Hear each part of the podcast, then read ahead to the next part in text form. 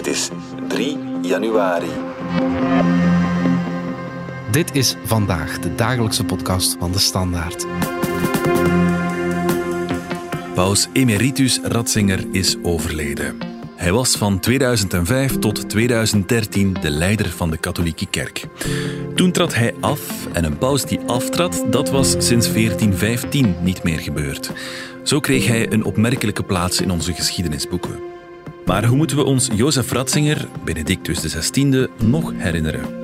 We laten u graag luisteren naar een podcast die onze collega's van NRC over de man maakten.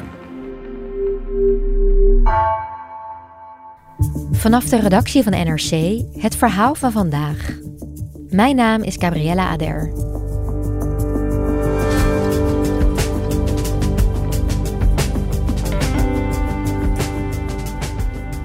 Dit weekend overleed de voormalige paus Benedictus XVI, oftewel Jozef Ratzinger.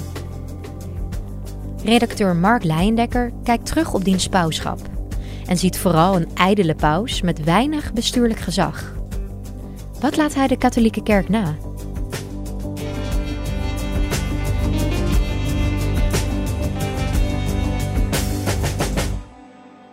...11 februari 2013. Het was een, een maandag. Ik was in Pompeii om daar een verhaal te maken over een net gerestaureerd theater. En ik loop daar over die Romeinse grote blokken stenen. En ineens gaat de telefoon, de krant belt, tegen half twaalf was dat. En die zeiden, Mark, Mark, Mark, de, de paus is afgetreden. Ik dacht, dat paus is afgetreden, daar heeft iemand een grapje uitgehaald of zo. Ik dacht, nou, even checken hoor. En nou ja, dat heb je dan vrij snel in de gaten dat de paus echt heeft gezegd dat hij gaat aftreden.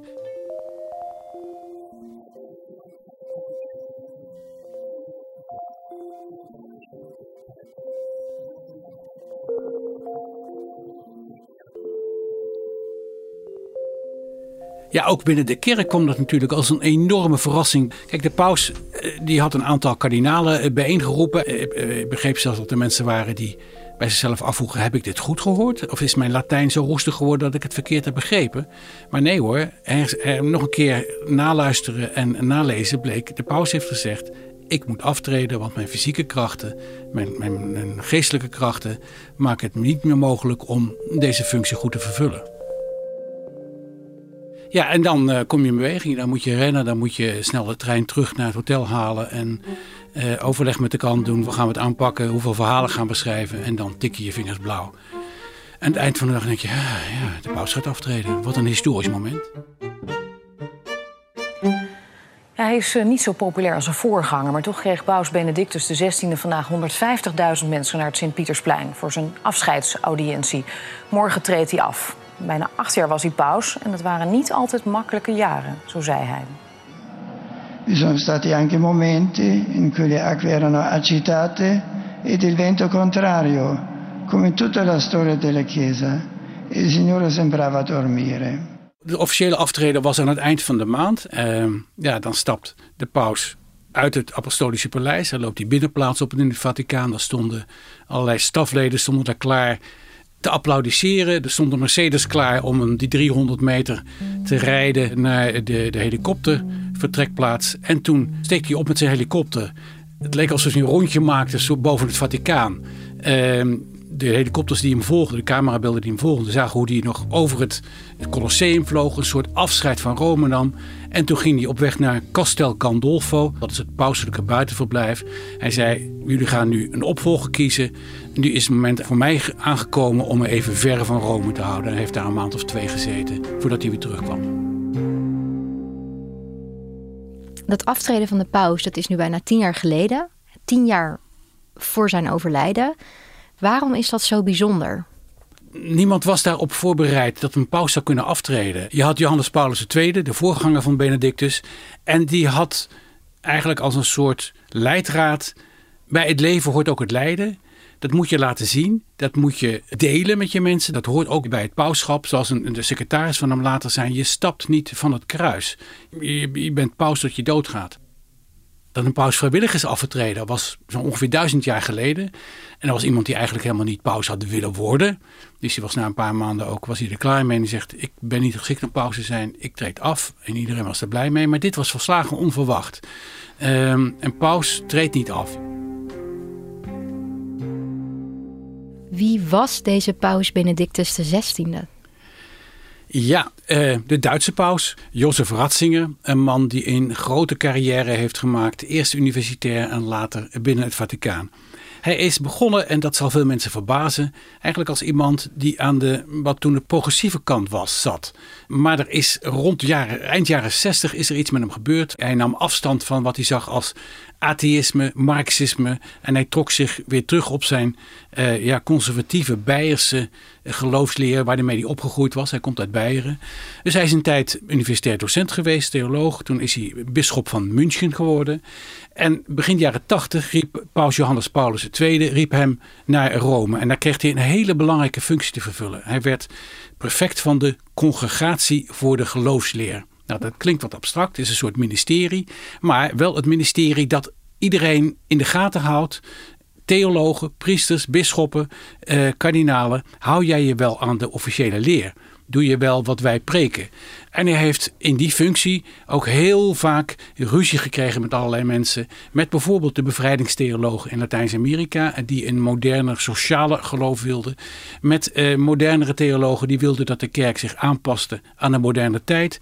Het had hard op tegen mensen die afweken van wat hij als de, de enige juiste leer zag. En op die manier heeft hij de bijnaam gekregen Gods Rottweiler. Dus de, de, ja, de waakhond van God die ervoor zorgt dat iedereen keurig doet wat de kerk voorschrijft. Rottweiler Ratzinger. Rottweiler Ratzinger. Ja. ja. Af Duits klinkt dat zeer goed natuurlijk. Ja, en um, heeft hij dat ook doorgetrokken toen hij eenmaal paus was? Het is heel interessant.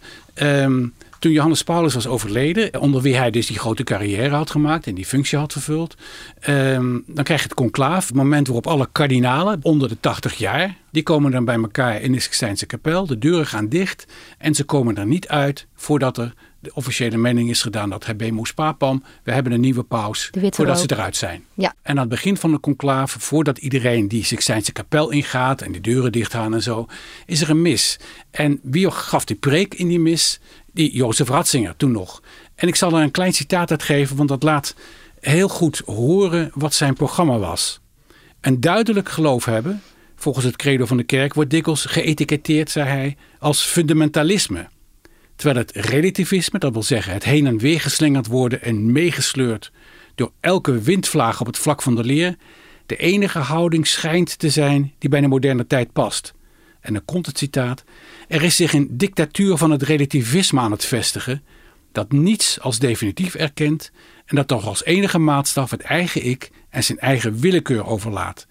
Dus die dictatuur van het relativisme, dat was de boodschap van Ratzinger aan de kardinalen. Als jullie willen dat er duidelijkheid komt, stem op mij. Ik maak een einde aan alle twijfels. Ik maak een einde aan die dictatuur van het relativisme. Er zijn absolute waarheden. Want als je het hebt over waarheden, heb je het dan over waarheden over het geloof? Of heb je het over waarheden in de hele wereld, in het algemeen? Nee, waarheden over het geloof, wat het betekent om katholiek te zijn. En betekent om katholiek te zijn is dat je bijvoorbeeld niet aan voorbehoedsmiddelen doet. Dat je tegen euthanasie bent. Dat je tegen communie voor gescheiden mensen bent. Ja, en daarin was hij heel absoluut. Bien cher frère et sœur. En na het conclaaf wat, uh, wat toen begon, na deze preek, werd uiteindelijk Ratzinger, Jozef Ratzinger, gekozen tot de nieuwe paus, Benedictus XVI. Annuncio vobis Gaudium Magnum. Dames en heren, welkom. U kijkt naar een extra uitzending van het journaal. U ziet live beelden van het Sint-Pietersplein... waar ieder moment de nieuwe paus gepresenteerd kan worden. Abemus papam. Sancte Romane Ecclesiae Cardinalem Ratzinger. En vervolgens, als paus, wat, wat deed hij? Wat was hij voor paus? Ja, dit was echt een heel conservatieve paus. Iemand die eigenlijk geen enkele stap heeft gezet om de kerk bij de modernere tijd te brengen. Wat voorbeelden. In 2009 vloog hij naar Cameroen, Afrika. En in het vliegtuig op weg naar naartoe zei hij... condooms die maken de, het risico op de HIV-besmetting eigenlijk alleen maar groter. Er was een aantal bisschoppen die aan de ultraconservatieve kant zaten. Uh, eentje van hen was zelfs een holocaust-ontkenner. Die waren uit de kerk gezet. En uh, Benedictus heeft hen weer teruggehaald. Um, op het gebied van abortus, op het gebied van eh, de positie van de vrouw. Geen strobeet heeft hij geweken van de officiële lier van de kerk. Ehm, hij wilde behouden wat er was en was, stond niet open voor discussie over wat er zou kunnen veranderen. Dat zie je bijvoorbeeld ook in zijn kleding. Ik weet nog, alle Vaticaankenners die waren toch eventjes verbaasd toen hij met, met kledingstukken tevoorschijn kwam. Die we eigenlijk decennia en soms eeuwen niet meer gezien hadden. Ratzinger hield van de pracht en praal bij, eh, bij, het, uh, bij het pauschap. Bijvoorbeeld zijn, zijn rode schoenen, daar is hij ook bekend om geworden. Rode schoenen die verwijzen naar het bloed van de, van de martelaar, naar het bloed van Christus. Heel veel pausen voor hem hebben daar nauwelijks aandacht aan geschonken. Ratzinger had prachtige rode schoenen voor hem op maat gemaakt door een kleermaker uit het noorden van Italië. En daar genoot hij van. Het was een, een, een, ja, een conservatieve beleving van het geloof waar heel veel andere mensen zich absoluut niet in herkenden. Ja, wel celibatair, maar wel met rode schoenen aan dan. Zeker, zeker. En wat kenmerkte zijn pauschap verder nog? Kan je je één ding van hem herinneren? Mm. Waarschijnlijk niet. En dat, dat kenmerkt hem. Johannes Paulus II, daar hebben we allemaal beelden van. Een man met het wapperende pauskleding in de wind, die de grondkust als ergens aankomt, die op de een of andere manier de media bespeelt, die mensen aan zich bindt door de manier waarop hij optreedt. Eh, Benedictus had niets van dit alles. Die had nog moeite om zijn arm op te tillen om naar mensen te zwaaien. Um, dus als zielenherder, om, om even in de kerkelijke uh, terminologie te blijven, als zielenherder was hij gewoon helemaal niet zichtbaar. En ja, hoe was hij als bestuurder? Hij is toch de leider van de katholieke kerk. Hoe deed hij dat? Ja, dat moeten we niet vergeten. Die, die katholieke kerk, dat is natuurlijk een enorm grote organisatie. Wereldwijd, overal filialen zou je kunnen zeggen. Dus dat vraagt om een krachtig bestuurder. Nou was dat al fout gegaan onder Johannes Paulus II. Die man was ziek, die man was al jaren ziek. En dat heeft er mede toe geleid dat het bestuur van het Vaticaan in, die, in het eind van de jaren negentig en de eerste jaren van, dit millennium behoorlijk verwaterd is. Er heleboel dingen gebeurden niet.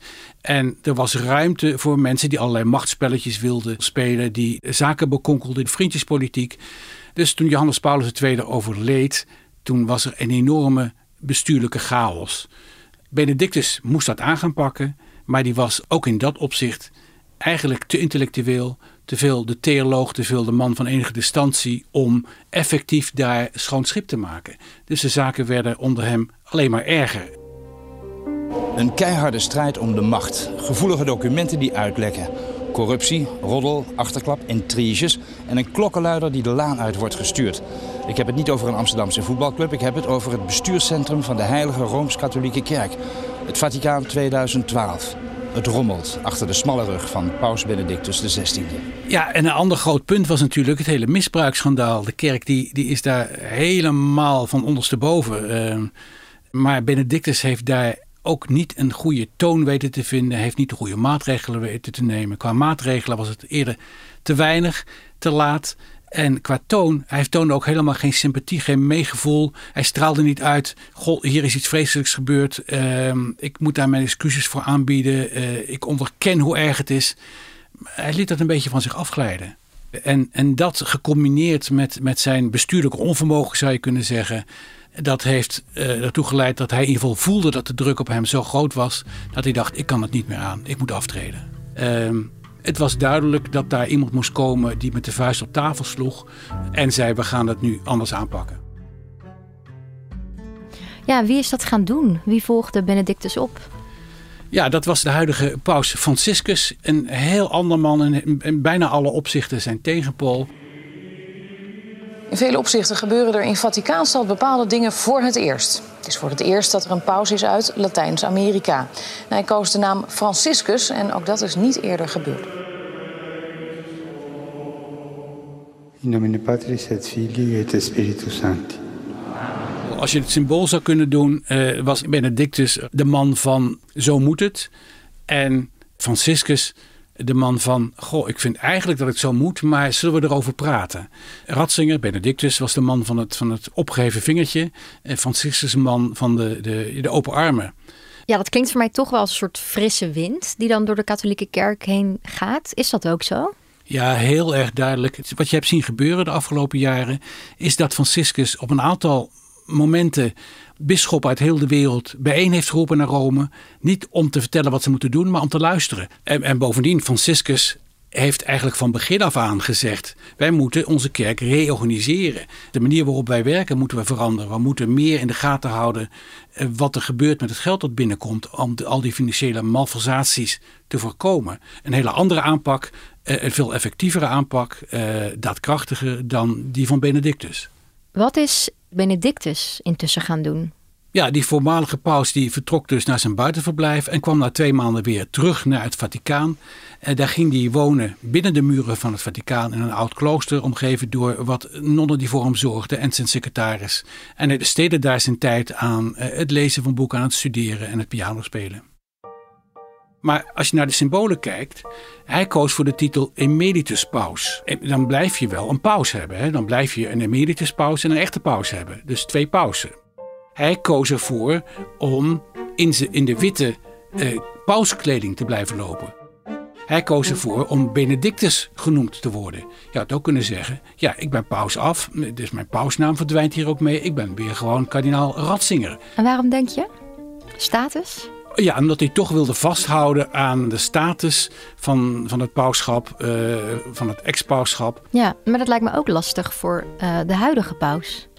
Ja, die is daar toch wel, moet je hem nageven, is daar eigenlijk heel goedmoedig mee omgegaan. In de zin naar buiten toe. Hij zei, nou ja, ik, eh, ik ga af en toe een kopje thee met hem drinken. Ik zoek hem af en toe op. Eh, als ik iets niet weet, dan bel ik hem op en dan vraag ik hem om raad.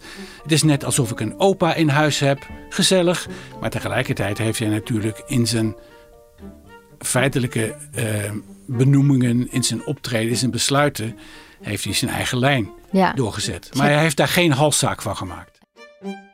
Nu is de emeritus paus Benedictus dus uh, overleden. Wat denk jij dat zijn erfenis is geweest? Ik denk dat hij in veel opzichten zal worden gezien als een tussenpaus. Bij ergens in een bibliotheek zullen nog wel wat uh, belangrijke uh, boeken van hem staan. Maar bestuurlijk heeft hij niet gedaan wat zou moeten gebeuren. hij is er niet in geslaagd om de kerk een moderner aanzien te geven. En ik denk dat hij vooral herinnerd zal worden als, als degene die mogelijk heeft gemaakt en, en het aanvaardbaar heeft gemaakt dat een paus aftreedt. Want denk je dat hij nu een nieuwe trendsetter is? Denk je dat de huidige paus ook sterk in overweging neemt om eerder af te treden? Dat is wel zeker. Uh, Franciscus heeft zelf al gezegd dat hij uh, regels heeft opgeschreven uh, voor, zijn, voor zijn aftreden. Deze, deze huidige paus zal tenzij hij natuurlijk plotseling wordt getroffen door, door iets, zal ook besluiten om af te treden wanneer je niet meer de krachten heeft die nodig zijn voor zo'n toch ingrijpende en veelvragende baan als het pauschap. Ja, nou dat is dan toch een behoorlijke erfenis. Zeker, heeft, eh, Benedictus heeft dat op zijn naam gezet, maar je zou verwachten dat je als paus toch iets meer aan indruk, aan, aan betrokkenheid eh, wil achterlaten. Want als zielenherder zal hij niet worden herinnerd. Dankjewel Mark. Graag gedaan, Gabriela. En dan nog even dit.